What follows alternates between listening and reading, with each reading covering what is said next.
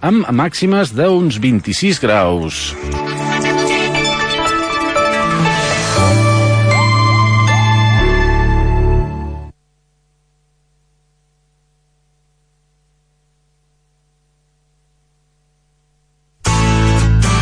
Ràdio Premià de Mar. Com tu vulguis, on tu vulguis, quan tu vulguis.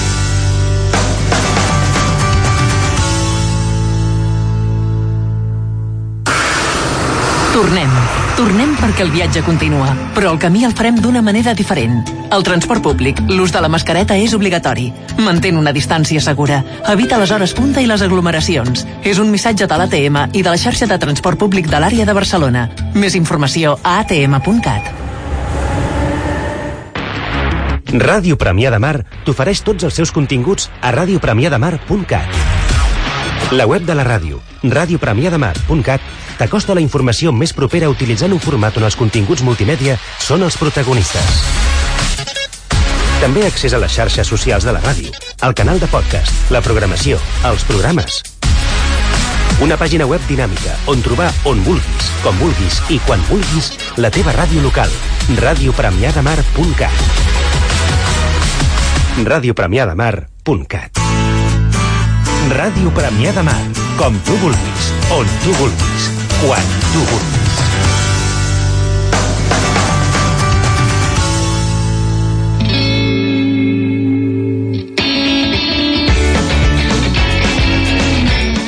Iniciem, Ariadna, la segona hora, sí, no?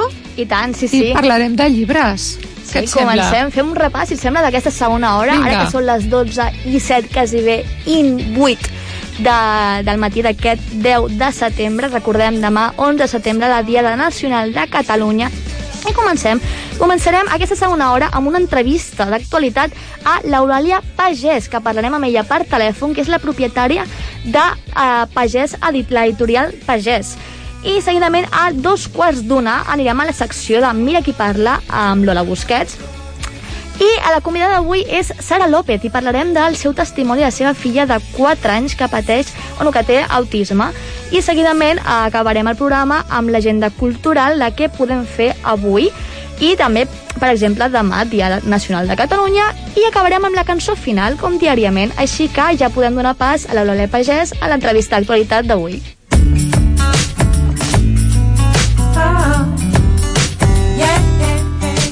Eulàlia, molt bon dia. Molt bon dia. Hola, què tal? Uh, Eulàlia Pagès, de Pagès Editors, és una de les uh, editorials que estarà, està present aquesta setmana del llibre en català que va començar el dia 9 i acabarà el 13 al Moll de la Fusta de Barcelona. Com va, com va el tema? Som optimistes en aquesta edició? Doncs, mira, eh, precisament ara estic aquí a la Setmana del Llibre en Català eh, i hem començat un dia radiant, després d'acabar ahir un dia eh, amb un gran ruixat, però hem començat el dia radiant i realment doncs, radiant també de gent. De gent amb moltes ganes de xafardejar, de mirar i de comprar llibres. Jo crec que eh, la gent lectora amb aquesta crisi no ha defallit, tot el contrari, no? encara ens ha recolzat i ens ha acompanyat eh, aquests mesos. I per tant, doncs, agrair-ho molt i que es veu doncs, que la gent ve. Doncs ens alegrem molt perquè amb la que ha caigut i la que està caient encara, doncs, eh, i el llibre en català, que sempre era com una mena de germaneta pobra de la literatura, no? Perquè, eh, bueno, eh, ens queixaven de... Eh, pues es llegeix menys que en castellà, els llibres costen més cars, sempre era una mica, parlar del llibre en català era, era plorar una mica, encara que fos així entre cometes, i aquest any la veritat és que, amb, no sé, amb els antecedents que teníem la cosa no estava, no estava gens clara. Uh, li presento a la meva companya Ariadna, que també li voldrà fer preguntes. Ariadna, aquí tens a tota una editora valenta, com tots els editors. És una de les professions que jo més admiro, eh, Eulàlia, que ja, perquè de veritat ser editor en aquest país és una mica plorar, com deia l'Arra, no? Eh, ser escriptor ho és, Sí. però ser editor jo crec que encara més, no? Bé, hem de plorar, però tampoc no hem de de, de, de caure a, al ploramiques, diguéssim, Ah, no? això sí que no. dir, Això sí que no. és a dir, tenim unes circumstàncies que són adverses amb la llengua castellana. Primer de tot és que a dia d'avui, encara dins de, o sigui, de les vendes de llibres a Catalunya, el, pràcticament el 70% és venda de llibre en llengua castellana Uh -huh. i el 30% és en llengua cas- en catalana. Sí. Això és un hàndicap. L'altre és doncs, de que, clar, el català es ven al territori que es ven i, per tant, hi ha, És més hi ha molts menys lectors, exacte, no? Molts menys lectors que hi ha lectors en llengua castellana. I una mica els plors dels editors que editen en llengua catalana ve per aquests factors. Uh -huh. Uh, però bé, jo crec que per, i per guanyar i lluitar per tindre una edició amb les mateixes condicions i qualitats que, i que puguem editar traduccions igual que es pot editar en llengua castellana, no? Tot i I una així, mica per aquí ve eh, la, el plorar dels editors en llengua castellana, en llengua catalana, perquè, clar, assumeixes doncs, una traducció amb molts menys lectors, però que volem que la nostra societat tingui les mateixes condicions de lectura que tenen altres societats, no? tot i així, hola Eulàlia, sóc la Li- Hola. Ariadna Viejo, qui estem també fent l'entrevista. Molt bon dia. Uh, tot i així bon comentàvem, uh, ara comentàvem aquí amb la Lola que uh, també hi ha llibres escrits en català, com per exemple el Tan sols viure, que són de dos promianents, de la Sara Montesinos i el Martí Mhm. Alvesa. Tot i així, n'hi haurà Sí. pocs, però, però n'hi ha, no? I hem d'aprofitar i aprofitar també demà que, que hi sou, doncs, venir i comprar-los, no? Oh, I tant, oh, i tant. Vull dir, jo crec que estem al moll de la fusta, estem en una ubicació diferent que els altres anys. Uh, potser costa més d'anar-hi, però és un lloc idíl·lic i amb, està en totes les condicions, vull dir, uh, uh, perquè la gent hi pugui anar amb tota la seguretat respecte al Covid. Clar, esteu aquí al costat. aforaments, desinfecció... Estem al costat del moll, Exacte. vull dir, al davant nostre veiem els vaixells. Uh -huh. Hi ha bones vistes. I tant. Vull dir que la vista és molt bonica i és, bueno, i és convidar a tothom que hi som tots i que, i que trobareu mm, llibres de tots els gustos, de totes les edats, uh, i, i jo crec que això és la riquesa del nostre país, no? que tenim un sistema editorial de petites editorials, però Mm. molt unides, molt compactes i que dona una diversificació i una pluralitat de l'edició molt bona, jo crec. Um, Eulàlia, també us volia felicitar per la vostra col·laboració amb el primer Premi Montepío d'àlbum infantil il·lustrat. Mm. També és una molt bona proposta. Uh, dieu amb la finalitat de potenciar la creació literària per nens i nenes. Uh, el Montepío de Conductors de Manresa, Berga, va convocar aquest uh, primer premi amb la vostra col·laboració i uh, diuen per fomentar els valors propis d'una literatura infantil de qualitat dins d'una societat democràtica, així com promoure la solidaritat. Um, que s'acostumin a llegir, eh, que s'acostumin a escriure. Els més petits són els lectors i els escriptors del futur i això sempre és bo, no? Ui, tant. I a més a més, la lectura eh, té... Eh, s'ha de pensar en moltíssimes vessants, és a dir, la lectura ens dona, primer, eh, noves experiències, Mm. ens dona una... i per altra part ens dona una... ens podem divertir, és una forma de divertir-nos I tant, llegint, llegint i aventures, crea imaginació, crea valors, fomenta, eh, doncs, jo crec que moltíssims valors, gairebé la gran majoria de llibres sempre hi ha al rerefons algun valor, Ja ho crec, i sí. després hi ha una cosa sumament important i que a vegades no hi pensem, la lectura ens dona comprensió, i la comprensió ens fa que nosaltres després, en els nostres estudis, en el nostre desenvolupament com a persones, puguem Mm. comprendre i puguem desarrollar-nos no? en aquesta faceta. Per tant, un gran químic necessita tindre una bona comprensió literària, eh, comprensió escrita. Sí, ben sí, dit, sí, no? sí. I per tant, doncs, eh, ens dona tot això, no? Ens dona divertiment, però ens dona formació, ens dona creixement. Personal. Perquè us feu una, una idea, algunes ja han passat perquè van, van ser el mateix dia 9, però farem, eh, si li sembla, eh, a Eulàlia, un repàs de les signatures que, que la vostra editorial ha, ha portat a aquesta, a aquesta nova edició del, eh, de la Setmana del Llibre en català. Teniu, per exemple, l'origen del pecat de la Marta Lós, que es, va, Sí. es van fer les signatures el dia 9, Ahir. la punta Sí. de plom amb la Marta Pérez Sierra, que és amiga de la casa, que ja l'hem entrevistat en diverses ocasions. Pues Aquesta, avui. aquesta serà avui a les eh, 6 de la tarda. Set de mal d'Adam Major. Aquesta serà eh, demà, dia 11, a dos Dia quarts 11. d'una. Teniu Apple Town del David eh, Marín, també demà, a les eh, 4 i quart de la tarda, un quart de 5. El eh, Sí. Miquel Montoro del Sebastià Benàsser, de, també mm, un, un, un gran conegut eh, del, de, de, de la literatura negra i de la literatura en general, no? Eh, eh, demà, la veritat és que veig que tindreu un dia absolutament atapeït de, de Sí. signatures, eh? Perquè Bueno, celebrarem Clar. la diada d'una Una darrere l'altra. No? És a dir, signant llibres. Sí, sí, sí. Aquest serà dos quarts de, de set. Tan sols viure el que comentava la meva companya l'Ariadna, de la Sara Montesinos i el Martí Alvesa, que serà a les 8 del vespre. Dues dones de la Montse San Juan.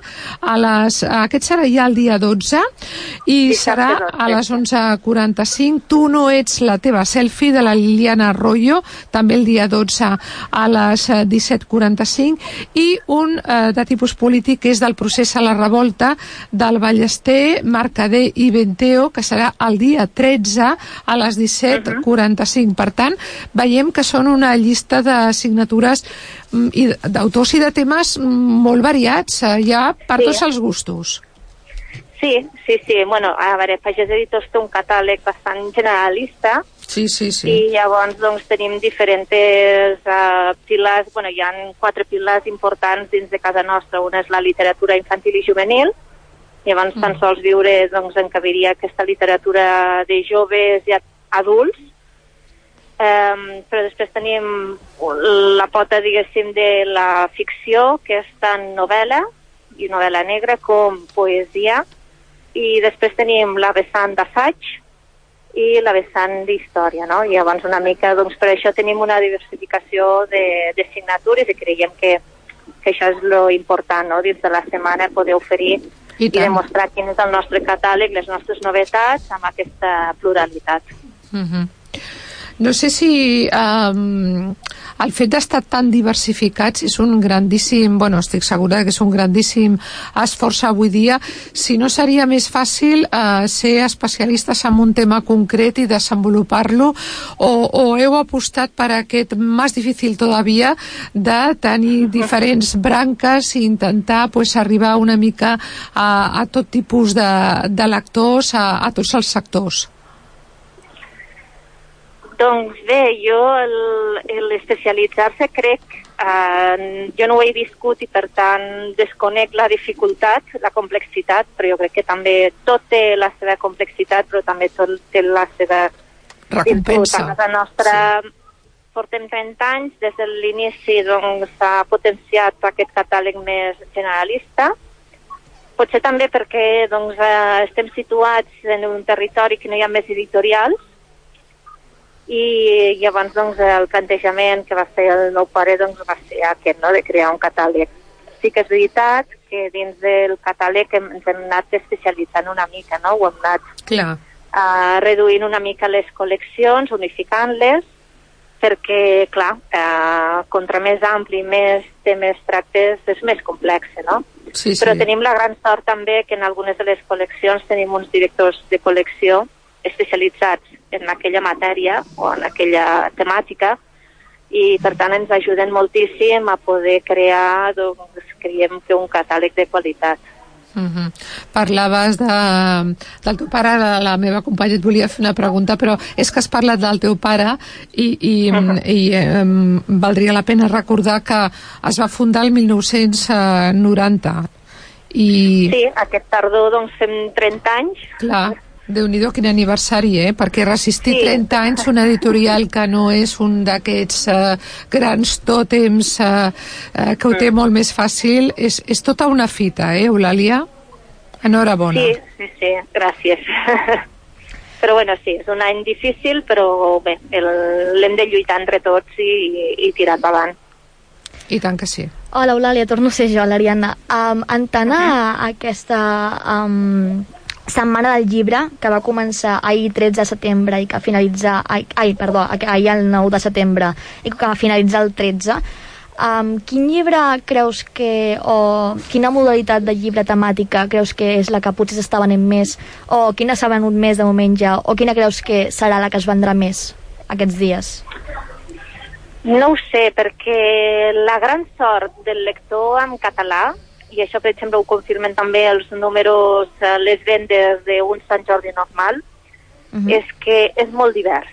És a dir, quan parlem els més venuts de Sant Jordi, al final representen doncs, un 5% de totes les vendes d'aquell dia de Sant Jordi, no? Sí. I sortosament, doncs, la gent eh, bueno, ve públic de tota mena. Vull dir, hi ha gent que venen gent que li agrada la poesia, però hi ha gent que li agrada la novel·la, hi ha gent que li agrada l'assaig, i, i per tant no sé, no et podria dir, almenys ara, per ara, Clar. uh, quin un seria el llibre, sí, uh, que és el que s'està venent més. És a dir, per exemple, en la nostra caseta estan venent de tot. Mm -hmm. I en tant a tots aquests llibres que, que esteu venent ja i que fins al 13 de setembre continuareu venent, com afronteu a, el, el dia de, demà i també el dia d'ahir que veu estar venent el tema de les mesures de seguretat en tant els llibres, quan ve la gent a agafar els llibres, com, quines mesures preneu? Doncs bé, el recinte està totalment perimetrat i tancat, controlats eh, pels dos, es pot entrar per els dos costats. Hi ha una porta d'entrada, hi ha una porta de sortida a cada costat.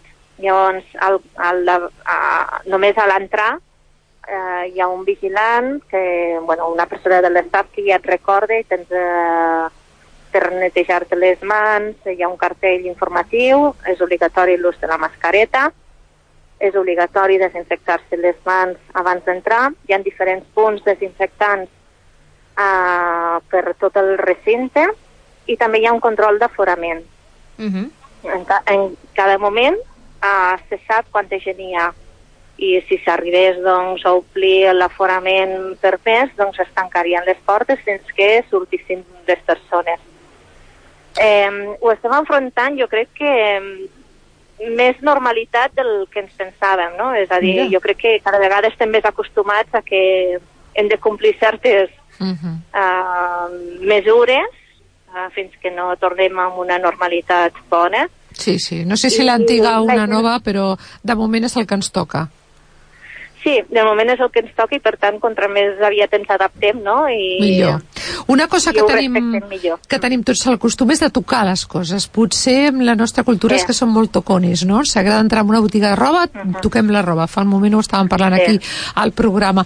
Els llibres també és típic d'anar a una paradeta, a una llibreria, una caseta, el que sigui, i tocar, fullejar, mirar la que els contraportada... llibres es poden tocar. uh, els deixeu tocar vosaltres? sí, sí, sí, tothom, tothom. Val, val, perquè Vull dir, això... Nosaltres, per exemple, a la nostra caseta tenim un altre dispensador Ja, hidroalcohòlic. I teniu ja, si m'imagino, algun exemplar que sigui d'aquests eh, per tocar, perquè al final amb tal gel, amb tanta gent hidroalcohòlic i tanta gent tocant el mateix llibre, pot acabar el pobre llibre fet caldo. Segurament aquella Sí. l'haureu de vendre a, Bueno. a preu de saldo o regalar-lo, perquè, escolta, acabarà, si, si deixeu un exemplar perquè el vagin remenant eh, tot el dia, déu nhi com Hi acabarà, ha gent no? de tot. Hi ha gent que et demana que li giris tu, hi ha Ja. gent que et pregunta si ho pot tocar, hi ha gent que veu allà el dispensador, al moment doncs es neteja, es desinfecta les mans i llavors doncs poden tocar l'exemplar. Molt En bé. principi, doncs, re, amb aquests requisits Clar. jo crec que doncs, ja no hi ha risc de contagi. Clar, home, és el, el que hem comentat aquí aquest mateix matí també, no? Prevenció, seguretat, tot això està molt bé, però obsessió tampoc, perquè hem de No, i més la vida ha de continuar. Sí, no, jo faig un reclam en una cosa, és a dir, mm, s'està potenciant molt de que el paper no es pot donar, no es pot tocar, i el paper, uh, l'OMS, i hi ha diferents estudis uh, que s'ha demostrat que el paper o les superfícies més cel·luloses Sí, tenen un risc de contagi pràcticament nul. sí És senyora. a dir, és una de les coses, eh, per això la premsa es pot, eh, es pot fullejar als bars, als restaurants, perquè té un risc que està considerat com un risc de, de transmissió zero a tot el que són superfícies de paper. Per tant, la gent ha d'estar més tranquil·la. Però bé, tot i això, eh, és millor pecar de, de fer de més que no pas de menys. Mhm. I aquí s'està, jo crec que a dia d'avui eh, seguim molt bé, hi ha controls, hi ha gent, hi ha neteja constantment, mm, jo crec que la gent pot vindre amb tota la tranquil·litat del món i gaudir una mica el passeig i xafardejar els llibres. Abans la meva companya l'Ariadna et preguntava sobre el tema de, de pues, eh, no sé, eh, quin, quin llibre eh, creus que, que, que es vendrà més o, o de, de quin gènere. Però el que veiem és que mm, no sé eh, si vaig errada però eh, eh, en un moment donat va sortir molt llibre de tema polític, no sé si ara per qüestions del Covid la gent està interessada en altres gèneres de més evasió o, per exemple, el tema polític, el tema de l'actualitat pura i dura, hi ha un cert cansament perquè hi ha eh, alguns que di diuen ara als telenotícies el telecovid perquè és que és començar un telenotícies, un telediari amb el tema del Covid, l'acabant amb el Covid i estem tots una mica ja potser farts del tema, tot i que sigui de molta actualitat, però potser en el nostre país s'està fent un gra massa de, del tema. Mm, Tu notes que hi ha un, un cert cansament de mm, temes polítics i temes de molta, molta actualitat i volen una mica més d'eva- d'evasió? Potser sí que en aquest aspecte és veritat que els, els llibres més de tendència política és el que s'està, a excepció d'algun, potser el que nosaltres tenim, que és més gràfic de dibuix, ai, d'il·lus- de, de fotografia, eh, però sí que és veritat que la gent potser està mirant més o llibres, eh, per exemple, nosaltres tenim una col·lecció de l'expert, que es diu, d'autoajuda, però basada en, en bueno, científicament i Sí, això. sí, sí, sí. Els llibres d'assaig, però, és a dir, sí que la gent el que vol és uh, altres coses, és a dir, saber, perquè el llibre d'assaig jo crec que cada vegada té més força, uh, saber, però sí que és veritat que amb temes polítics potser no és el que s'està demanant més o, o Mhm. mirant més, almenys en el nostre cas. I sembla que, I que també la, que la s'està gent... mirant Sí, digues, digues, perdona. No, no, i el que també s'està mirant molt és el tema de ficció, de, de la lectura, bueno, uh, per Ficció, gaudir. sí. Sí, sí, sí, sí. Sí, no, perquè mm, m'estava arribant per diferents uh, bandes uh, temes de... A mi no m'agrada molt l'etiqueta d'autoajuda, no? però fins que no surti una altra, però sobretot llibres de- d'autoconeixement, no? De mirar Sí, una mica cap endins això que hem fet, eh, no sé si gràcies o no, però eh, durant el confinament, mirar-nos una mica més a l'interior, saber qui som, d'on venim, no sé si cap a on anem, però eh, endinsar-nos més amb la, amb la nostra ànima, amb la nostra ment, amb la nostra personalitat, i aquest tipus de, de llibres sembla que són els que ara estan agafant com més, més volada, més interès. No sé si això durarà molt o poc, però de moment sembla que la cosa aniria per aquí.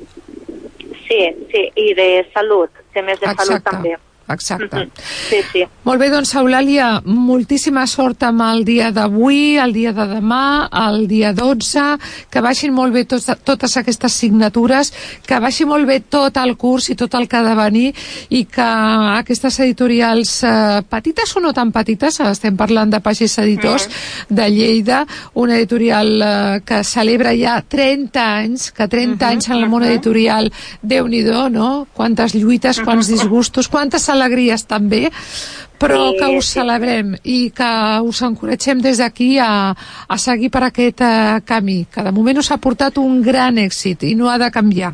Això no ha de canviar. Moltíssimes, A moltíssimes vosaltres. gràcies. A vosaltres, Gràcies. Eulàlia Pagès. Molt bon dia. Molt bon dia.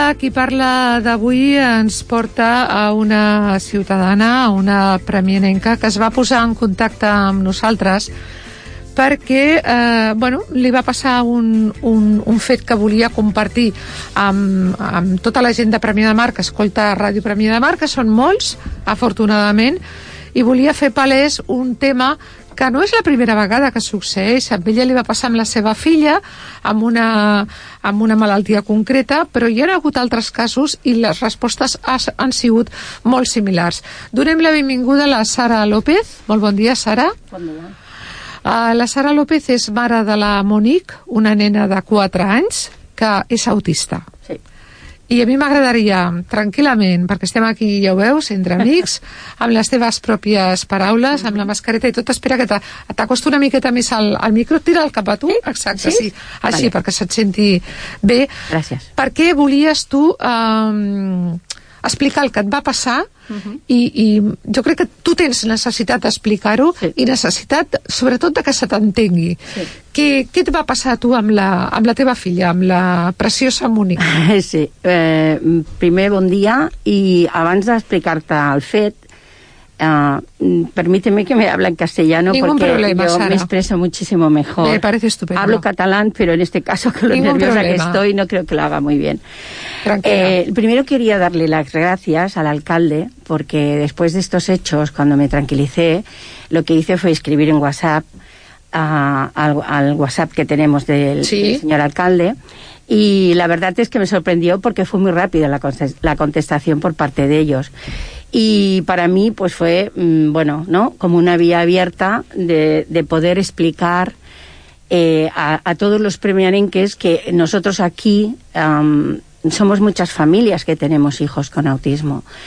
Y bueno, aparte de, estar hoy aquí, también me gustaría dejar un poco abierta una, una, una vía de ayuda, de apoyo, de, algún tipo de, de sensibilización por parte de, de las instituciones. Eh, en este caso hoy estamos aquí, yo soy de Premia, pero esto debía de ser a nivel de todos los ayuntamientos que nos ayudaran a que conocieran a nuestros hijos, porque tampoco, eh, no sé, no, a veces nos sentimos muy mal. Son ciudadanos, son Exacto, ciudadanos exacto. de pleno derecho como, como todos y se merecen todo el respeto. Exacto. Y entonces, después de, de- de agradecerle a Miquel, a nuestro alcalde, eh, la preocupación y, y- y la respuesta rápida, eh, voy a explicar lo que me pasó. Yo mm, llevo a Monique al parque, es el parque este que tenemos aquí enfrente de la Maica, que nunca me acuerdo el La nombre. Plaza Nova. Sí, gracias. Y bueno, estábamos solas, que quizás a lo mejor por eso, no sé, la subí al columpio y, mm, y bueno, Monique es una niña autista de cuatro años, como tú has explicado, y es no verbal. Entonces los niños que no son verbales normalmente gritan. Tienen, es una manera, manera de ser- de- sí, de exteriorizar tanto la emoción como el enfado y ella grita. Entonces estaba subida en el columpio y eh, me empiezan a increpar eh, un señor eh, que además lo filmé, lo siento, pero lo filmé porque mm, yo no me lo podía creer lo que me estaba pasando. Diciéndome que era una maleducada, que seguramente ¿Dónde era- estaba este señor? ¿En un En balcón? casa, en su casa. Sí. ¿Te gritaba desde un balcón, Sí. desde una ventana, una terraza? Era un balcón, estaba sentado el pobre leyendo el periódico y claro, yo entiendo que a lo mejor le podía molestar, pero es que yo no puedo hacer nada en contra de esto. Y, mm, y entonces me gritaba que la niña era una mal educada y que probablemente era tan mal educada porque su madre era una mal educada. Y hay una noticia... Qué en el madre mía. Sí. Y hay una noticia en el periódico que dice que los hijos que son así como el que usted tiene cuando sea mayor... Y yo le dije, mire señor, perdone, aquí el único maleducado es usted. Esto de entrada. Si quiere le explico lo que tiene mi hija, pero el señor no atendía. Pero lo que más me sorprendió y lo que más me dolió es que parece que fue como como un virus, porque después oía de un balcón de al lado que me increpaban lo mismo me y no salía. Bueno, Sara, eh, la masa, o sea, de una persona a una persona se puede razo- razonar, pero la masa siempre es terrible, porque Sí. además se envalentonan. Uno grita, insulta y protesta, el otro también y el otro también. Esto pasa así, desgraciadamente, casi siempre. Bueno, eh, el señor este por lo menos dio la cara, pero habían unas personas que estaban detrás de unas ventanas que yo les dije, ¿pueden salir, por favor? ¿Pueden salir y dar la cara? Y les voy a explicar lo que tiene mi hija. Mi hija no es una mala educada y por supuesto yo tampoco. Mi hija es autista y la manera de sentir que tiene es gritando. Y entonces, pues por eso estoy aquí, ¿no? Para, para explicar un poco Sara, jo no quiero que, que lo passes mal, jo no vull que ho passis malament, que te... és normal que t'emociones perquè estem parlant de la teva filla, de lo que tu més estimes en el món, totes les que som mares entenem que quan ens toquen un fill, eh, com deia aquella por mi hija mato, vull dir que mm, jo t'entenc, però jo no vull que passis un mal moment, una mala estona, No, no, però no. sí que mm, jo et vull felicitar perquè ets una dona valenta, has vingut aquí a la ràdio, que tu no estàs acostumada, has vingut a la ràdio a explicar-ho. Eh, també vull, vull mm, trencar una llança per al, al WhatsApp per al nostre alcalde Miquel Àngel Méndez, Sí. perquè molta gent a mi m'ha dit però aquest WhatsApp de debò funciona de debò, l'alcalde Sí. se'ls escolta de Sí debò, a trucar a ell i, i, i ja veieu aquí la resposta Sí. que és que sí, que sí. que el va posar a veure que no és fàcil tenir un WhatsApp i que qualsevol No, no. O, et, o et, mm, estigui enfadat i et deixi una nota de veu i el que sigui. Això, per una banda, que jo crec que, que l'honora i, i, i estem Sí. contents de tenir un alcalde que Sí. funciona d'aquesta manera, Mm. molt a prop dels ciutadans, que després Sí. hi ha molts problemes, mm, moltes queixes de coses, de que no s'han fet bé o que encara no, no s'han acabat o no sé què, no sé quants. Perfecte. Mm, També, a veure, eh, les coses van com van i de vegades tot no es pot fer. Però, mm, ho repeteixo, tu has estat molt valenta, jo vull que et calmis, que expliquis, ho, has, ho estàs fent molt bé, Sara. Bueno, lo siento, es que es muy emocional nuestros hijos. Claro, es que, a ver, es lo que más nos duele, es verdad. Aquí no le duele su hijo, lo que más nos duele es un hijo. Y tener un hijo con, con, con otras capacidades. Eh, yo ayer estaba hablando contigo por teléfono y la oía gritar a, a, Sí, a la sí. niña Monique. Y es su manera, y conozco otros niños autistas. Sí. Y, y es su manera de decir, estoy aquí, necesito esto, quiero que me abraces, o quiero que me des, o quiero que me quites, o quiero que me limpies. Pero lo que eh, tenemos que dejar claro es que aquí no, no nos convirtamos en policías de los demás ciudadanos. Y si tenemos algún problema, hablemos, no gritemos. Además, fíjate que dicen que eh, em, las, las em, gotas estas que transmitimos cuando hablamos y tal, que contagian de fluye, las gotitas de fluye. Sí, pues cuando gritamos aún salen más, y van más lejos. Por lo tanto, acostumbrémonos a no gritar. ¿eh? Si este señor hubiese bajado, te hubiese dicho, oiga a la niña, pues tú le explicas tranquilamente, mire, señor, es que mi niña es autista y tiene Yo derecho a ir al parque. Lo dije, lo dije. Lo que pasa que, bueno, ahora que me he puesto un poco más tranquila y me gustaría explicar un poco que son niños, son niños de luz, son niños muy cariñosos, pero son niños que entienden la vida de otra manera. Nosotros estamos los mayores, estamos llenos de prejuicios. Entendemos la vida como nosotros la vivimos, pero lo que no sabemos es que hay otras maneras de vivirla y sentirla. Ya lo creo. Y entonces los niños con autismo, eh, cada niño es diferente. Eh, se, se les llama también TEA, que quiere decir trastorno del espectro autista. El trastorno no son enfermedades. Sí, sí, La sí. gente dice que es una, no es una enfermedad, sino es un trastorno. Muy y el bien. espectro quiere decir que es amplio, quiere decir cada niño es un mundo diferente, cada niño Cierto. reacciona y funciona. Hay niños que y esto y, y lo, lo que les hace esto es que les eh, eh, en el caso de mi hija eh, está mm, no tiene lenguaje y entonces le afecta al ámbito social. Es decir, los niños que mm, no se no se no interactúan entre ellos porque porque no saben cómo hacerlo. ¿eh? Los niños no tienen ningún problema. Mira, el otro día no sé dónde fue, donde vi un programa eh, de un colegio donde el pro- los propios alumnos del colegio le ayudaban a regularse porque eh, cuando se enfadan, eh, eh, o sea, tú, por ejemplo, eh, tú te enfadas y, y tú tienes eh, la capacidad de, de- de reaccionar y decir, bueno, me, me- de me paro aquí, de- al- cuento hasta 10, no contesto. No siempre, ¿eh? Bueno, pero lo intentamos. pero es importante a veces contar hasta 10 para no Sí, sí, meter la sí. pata. Y tanto. Y, y, y, y- y- y te tranquilizas. Pero estos niños no. Estos niños, yo ahora, mira, he bajado al parque enfrente de casa, que hay un parque de arena, Y ostras, cuando estoy en la calle digo, ostras, no llevo la mascarilla. Ya. Tú no sabes la que me ha liado para volver a buscar mi mascarilla porque ella quería su parque. Y pues lo mismo, más de lo mismo. claro. Entonces, claro, yo cuando yo sufro muchísimo porque bueno, es un espectáculo. Yo entiendo que es un espectáculo, pero sí Bueno, no, perdona, yo no estoy de acuerdo con que es un espectáculo. Sí, un en- espectáculo es otra cosa. No, lo- Ah, eh, eh, los, que- los que califican esto de un espectáculo es que... Bueno, pero tú no estás acostumbrada a ver, a- por ejemplo, mi hija, yo te voy a hablar No, pero siempre hay- conozco que se pegue. con- mi con- hija se pega. Ya, Entonces la gente ya. la ve, grita, patalea y, y se pega. Ahora tiene una época que se pega en la cabeza cuando quiere Sí, sí, sí, salirse se con la suya.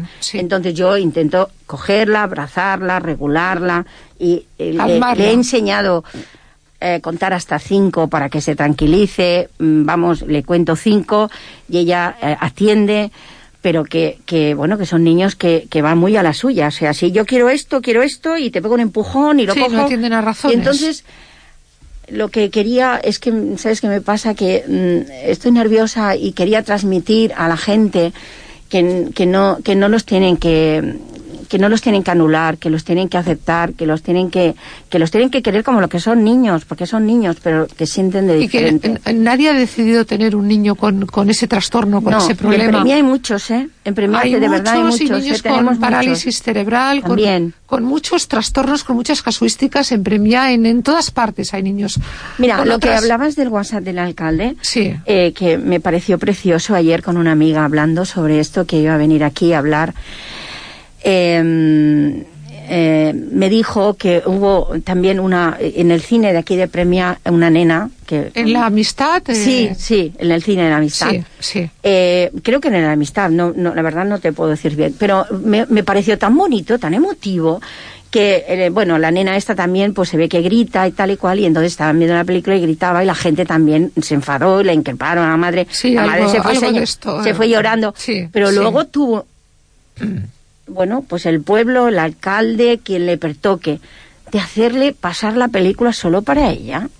Eso es tan bonito. Eso se llama sensibilidad, Hombre, eso se llama humanización. por supuesto. ¿Me entiendes? Y eso es tan bonito, por eso te digo que estoy aquí para que, bueno, pues para que se haga algo más en conocer a, a la comunidad que, que- que formamos, eh, la- los, los padres que tenemos hijos con, con, una discapacidad, porque no dejan de tener una discapacidad. Sí, que, Sara, no lo habéis elegido. No, no es que esto le puede pasar pero- a cualquiera. Vosotros lucháis, sois personas que ya tenéis una carga. eh, desde, que estos niños estrés, nacen hasta, hasta siempre, hasta que se vaya uno de los dos, porque esto no acaba nunca, No. la labor de padre o de madre, es una labor muy dura. Y si encima, cuando salís a la calle, cuando salís a un parque, en una tienda, como dices tú, a mí no me gusta, ya te digo, el término dar el espectáculo, porque Bueno, esos niños es... No lo he dicho, No, no, quizás yo- no me he explicado. No, no, no, lo has explicado muy bien porque pero eso a es mí lo me que mira todo los el mundo, otros. entonces cuando a ti te mira todo Claro, el mundo tú te es que sientes estás dando como algo raro, ¿no? Ya, pero, pero los Y demás yo lo no, pueden tomar... esto no me importa que me mire la gente, No, pero porque es una manera también de decirle, sí, es verdad, mi hija es autista y tiene esta manera de sentir, entonces no pasa nada. Sí, pero espectáculo es lo que te dirán los otros que, señora, está dando el espectáculo, porque yo he oído esta, esta, este adjetivo, está dando el espectáculo. No, no doy ningún espectáculo. Usted se cree que esto es un espectáculo. Este es mi día a día. Ya. Esta es mi hija Muy duro, y es su muy duro. casuística. Mira, el lunes mi hija se despertó a las 3 de la mañana porque hay niños de, de TEAS que tienen un trastorno del sueño. Es que cada niño es un mundo. Sí, sí, sí, Bueno, pues mi hija se despertó a las 3 de la mañana y yo eh, tengo una hamaca en el, en el comedor, una hamaca de pared a pared, porque mi hija es muy propioceptiva, ella necesita sentir dando golpes, dando, ¿sabes? Sentir... eh, Sí, eso- no, ¿Se comunica así? Sí, no, es que, has dicho, no es es que nosotros conocemos seis sentidos, pero hay ocho sentidos, no hay seis, ocho o nueve. Cinco Ah, sentidos Perdón, tenemos. cinco, hay ocho sentidos, me he equivocado. Hay Bueno. cinco sentidos, pero hay ocho, no hay ocho. Seis Eh, contando el sentido común, que es muy escaso, bueno, ¿eh? este, pero ese- este, este, como ese que no, no, funciona cuenta. mucho. No, no, pero mucho. no, hay más, hay más. Eh, te lo digo porque en el mundo de ellos, además, Sí. es que es muy importante. Eh, bueno, se despertó a las 3 de la mañana y yo estuve con mi hija, porque yo no la puedo dejar que mi hija a las 3 de la mañana funcione ya, pues, ¿sabes? Porque no es bueno para ella. Entonces la pongo en la hamaca y la balanceo hasta las 7 de la mañana. O sea, no te puedes imaginar cómo está mi cuerpo. Mi cuerpo está dolorido desde, desde el dedo del pie hasta la cabeza, porque mm, esto en el cuerpo, pero claro, es mi hija y esto me Por pasa y lo tengo que hacer. ¿Es tu pero que la hija, gente... Monique? No, tengo dos más, tengo dos más. Bueno, Monique la tuve muy mayor, tengo dos hijas mayores, pero Monique la tuve muy mayor. Pero quiero decir con esto que tienen que entender que los padres ya sufrimos muchísimo. Y sufrimos en casa, sufrimos eh, cuando salimos, sufrimos cuando eh, la- tienen- son niños terapéuticos, son niños que necesitan muchísima terapia y que no tenemos ninguna ayuda por parte de las instituciones, porque Ya. hay muy poquito para darles Ya. y que las terapias las tenemos que pagar de los bolsillos. Eso es y una muchos papás también, ¿eh? Eso es y una muchos vergüenza. papás no pueden porque son terapias muy caras, son Exacto. carísimas. Entonces, pero bueno, yo creo que todos los padres hacen un esfuerzo tremendo para, eh, para, para darles esas, esas ayudas a los hijos. Y, y bueno, y luego yo lo único que mm, quería decir también muy importante es que la integración no es solamente una integración en el colegio, sino también es una integración muy importante social.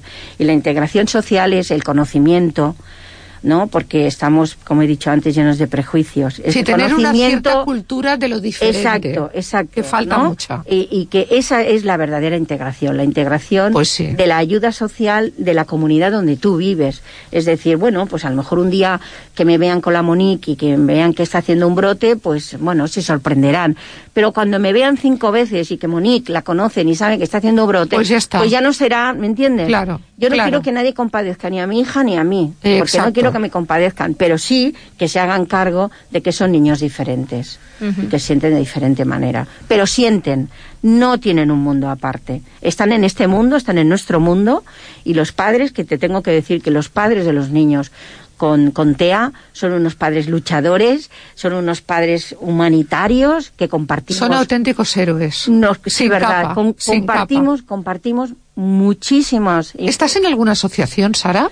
No, no estoy en ninguna asociación. Vamos a ¿Por qué hacer una no? aquí en Premia. Ah, vale, porque no te lo digo porque hay una asociación que se llama NENS, eh, Niños con Necesidades Sí, Especiales. eh, esta la conozco. Y funcionan muy bien, son una gente estupenda. Ana Guerrero ha venido aquí muchísimas veces, unas cuantas de ellas.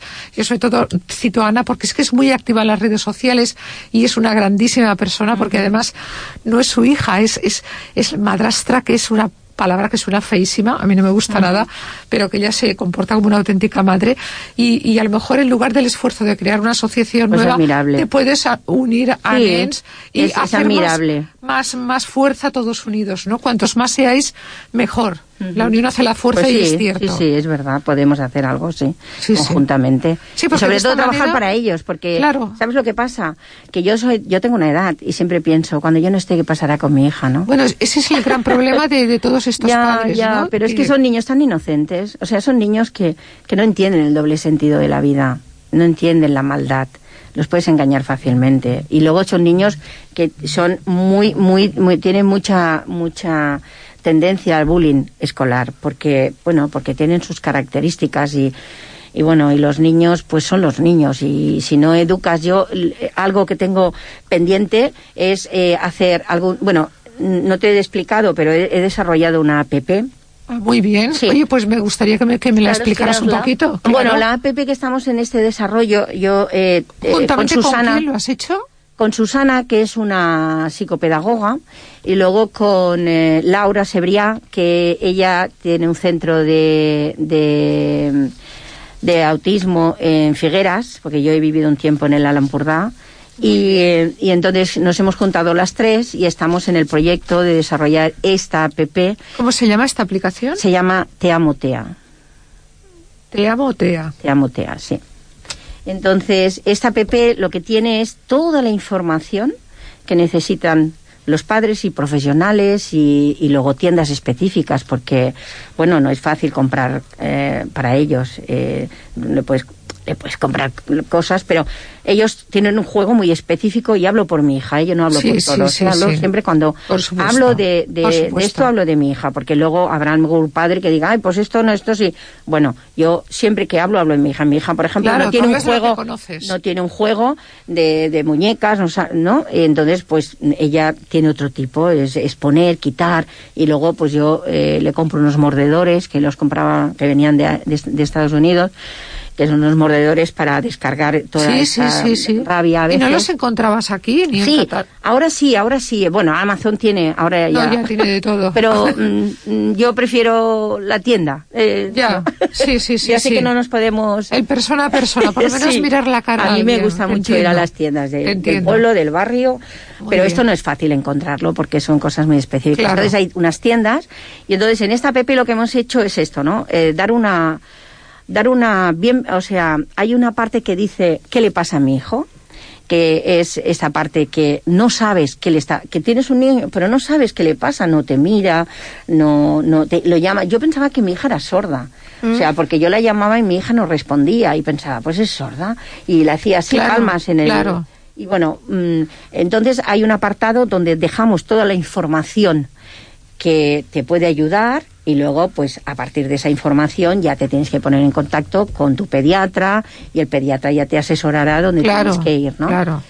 Luego también hemos hecho un, un, un- un apartado de profesionales, de profesionales, no de gurús, que hay mucho gurú dentro de este También, mundo. también tienes toda la Eh, razón. hay sí, mucho sí. gurú. Hay que acudir a, A la persona a profesional profesionales. contrastada. Exacto, porque, bueno, eh, es una comunidad muy grande, mueve mucho dinero y, bueno, hay mucho listo también. Entonces, Sí, nosotros, sí. para que entre... Toda la razón. Para que entre en este grupo tiene que, eh, tenemos que eh, estar seguros. También queremos hacer un WhatsApp para unos niños, para una edad de, de unos niños, donde en ese eh, WhatsApp entre ellos puedan hablar con la seguridad de que nadie eh, se pueda meter en, en, eh, bueno pues Se ya vaya a sabemos interferir en. ya, en- ya en sabemos sus de, de lo que hablamos, de gente Ya. rara que puede Sí, eh, sí, meterse sí. con estos niños y les puede hacer mm, mal. Luego también tenemos otro apartado que es el apartado de cangurotea, que es un apartado eh, donde, donde van a inscribirse profesionales y si no, si no si no tienen la acreditación se les va a hacer una acreditación porque hacer el canguro de un niño con TEA no es Hombre, eh, normal, no, no, no es, no- es no es igual, es diferente. Claro, Solo tiene que tener claro. unas pautas y nada más. Claro. Conocer el mundo y saber las Sí, pautas. sí, sí, sí. ¿Y qué más? No sé si me dejo algo más. Bueno, el, el apartado Bueno, de... oye, como yo quiero que vengas más veces, cuando esto ya esté en marcha, Sí, lanzado sí, y sí. tal, vuelves otra vez con, si quieres, con Susana, con esta psicopedagoga, con Sí. quien tú quieras. Sí, voy, ya Susana, estaremos- no, Susana es que Susana es de Cantabria. Es que Ah, tú de ya sabes- Cantabria. tú ya sabes que ahora- Bueno, la podemos tener por teléfono, Ah, eso no es sí. problema. Para eso están Ah, los teléfonos. Lo que pasa que hoy en día, como sabes tú que con, con, el, con los WhatsApps, con el Sí, Instagram, porque yo la pero la conocí, podemos llamar, no te preocupes. Ella, ella era una voluntaria, es una chica estupenda, es una voluntaria de, de ha estado en Autismo Burgos, que creo que es el- el- la asociación más antigua que existe y los que tienen mucha experiencia con todas estas cosas. Luego solamente quería apuntar, porque hoy nos están escuchando desde México, Argentina, Eso Colombia. me dijiste, eh, Sí. a ver, eh, salutación, sal- saludos desde España, desde Cataluña, a México, a Colombia, a, Sí. ¿a qué más sitios? Argentina. Argentina, saludos Sí. cordiales. Y quería, quería solamente quería a, a una chica que es argentina, que tiene 19 años, que me enseña muchísimo, porque ella es una chica, es un, primero la diagnosticaron de autismo y luego le diagnosticaron de Asperger. Y, y, y bueno, con ella hablo muchísimo. Ayer, fíjate. ¿Cómo se llama? Se llama Camila. Camila, te saludamos. Un beso. Y, y Camila pone en, en, su, en su Instagram, pone, que me encanta, dice, solo aprendí a luchar en la vida día a día para poder seguir adelante. Y, y- y la verdad es que me parece muy bonito, ¿no? Y, y que, bueno, no sé, si tenemos más tiempo, no tenemos más tiempo. Bueno, eh, si nos alargamos un poquito, igual jo crec que sí que ens podríem menjar. Ariadna, què et sembla? Ens mengem la cançó final, eh, que val la pena avui Menjar-nos-la, acabar. No acabar amb aquest testimoni tan, tan important.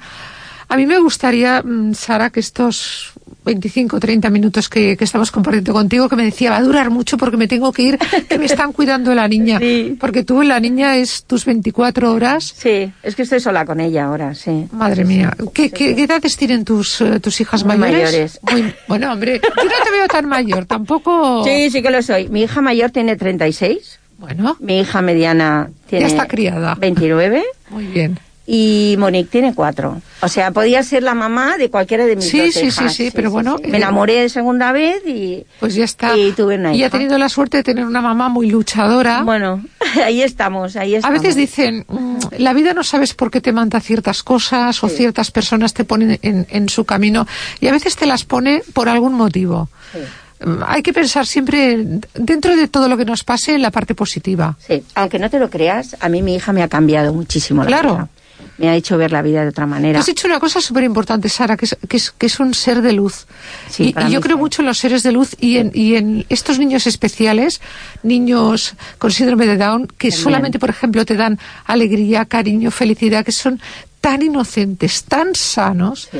que estos niños es que han venido para hacernos felices. Y además es que me ha hecho frenarme, me ha hecho ver la vida de otra manera, ser más respetuosa. Muchas cosas. Monique ha cambiado muchas cosas en mí. Y bueno, siempre le digo que. Monique, lo siento, tienes una mamá muy mayor. pero, No, pero oye, por favor. Siempre se- pero, pero es La algo edad- que, me, que me sale de dentro, se lo digo a mi número, hija. pero la edad no, yo tengo mucho, yo tengo mucha energía, mucha energía Se te tengo. ve, se te Soy ve. una mujer muy vital Y luchadora. y muy- mm, sí, muy trabajadora. Entonces, cuando me pasó, mira, fíjate cómo, cómo lo que pienso que al señor que me increpó y a la otra familia le tengo que dar las gracias. Y le tengo que dar las gracias en realidad porque si no hubiese sido por eso, quizás no estaríamos aquí, no estaríamos hablando del autismo. Pues fíjate. Y es tan importante hablar A veces aquello de los caminos del Señor son inescrutables. es que una cosa te lleva a la otra. A veces mm, maldices una cosa que te ha Sí. pasado, pero gracias a esa cosa te ha pasado otra y luego otra. Pues mira, al final estás en la radio explicando esto i, i ens agradaria molt, per acabar, eh, mm, Sara, que que fessis una crida amb aquestes paraules teves tan sencilles, tan humanes y tan claras, pues eso, a los señores y señoras de diferentes balcones del mundo, a que sean un poco más receptivos, más humanos, más amables, que observen antes, porque yo creo que se ve claramente cuando un niño es mal educado, cuando un niño hace lo que hace porque no puede hacer otra cosa. A mí me gustaría que te despidieras Bueno. mm, dirigiéndote a esas personas. Bueno, pues yo lo único que quiero decir es que tengo una hija autista de la que me siento muy orgullosa. Y lo único que le pido a la gente es que antes de juzgar eh, piensen que quizás hay algo detrás que no saben lo que es y que conozcan el mundo del autismo y que acepten a los niños con autismo y que bueno y que el alcalde A ti te ha llegado, ¿eh? Lo del WhatsApp Sí, te ha y llegado. y que el alcalde nos dé más visibilidad, que nos dé más visibilidad, que hagan, que conozcan el mundo, que conozcan los niños, que conozcan la comunidad, porque de verdad que merece la pena. Pues muchísimes gràcies, moltes gràcies, Sara López. Ariadna, avui és el teu últim dia aquí al Viu l'Estiu I i m'agradaria que t'acomiadaràs tu també de moment d'aquest Viu l'Estiu. Pues això, abans has recordat a una sèrie de col·laboradors i, Sí. i bueno, pues tu mateixa, tot teu al micro. Sí, hem tingut aquest Viu l'estiu una sèrie de col·laboradors, vam començar el programa amb, amb Manel Ferrer i el Carles Muñoz i ens acomiadem amb Carles Soler, Lola Busquets i Jaco Esparlo, Ariadna Viejo i el dilluns 14 hem de dir que es torna el tot d'una a càrrec de Lola Busquets que serà de 10 a 1 del matí. I fins aquí al programa d'avui podríem escoltar potser un, una estona el Super Lonely de, Vi, de Vini i Duparten, Duparteton i després doncs el, a les notícies. Bona diada i bon cap de setmana. Fins Bona diada. dilluns. Adeu. I'm just a loser, shouldn't be with ya. Guess I'm a quitter while you're out there drinking. I'm just here thinking about where I should have been. Mm, I've been lonely, mm. water pouring down from the ceiling. I knew this would happen, still hard to believe it. Maybe I'm dramatic, I don't wanna see it. I don't wanna panic. I'm a sad girl, in this big world. It's a mad world. All of my friends know it's heaven. You're a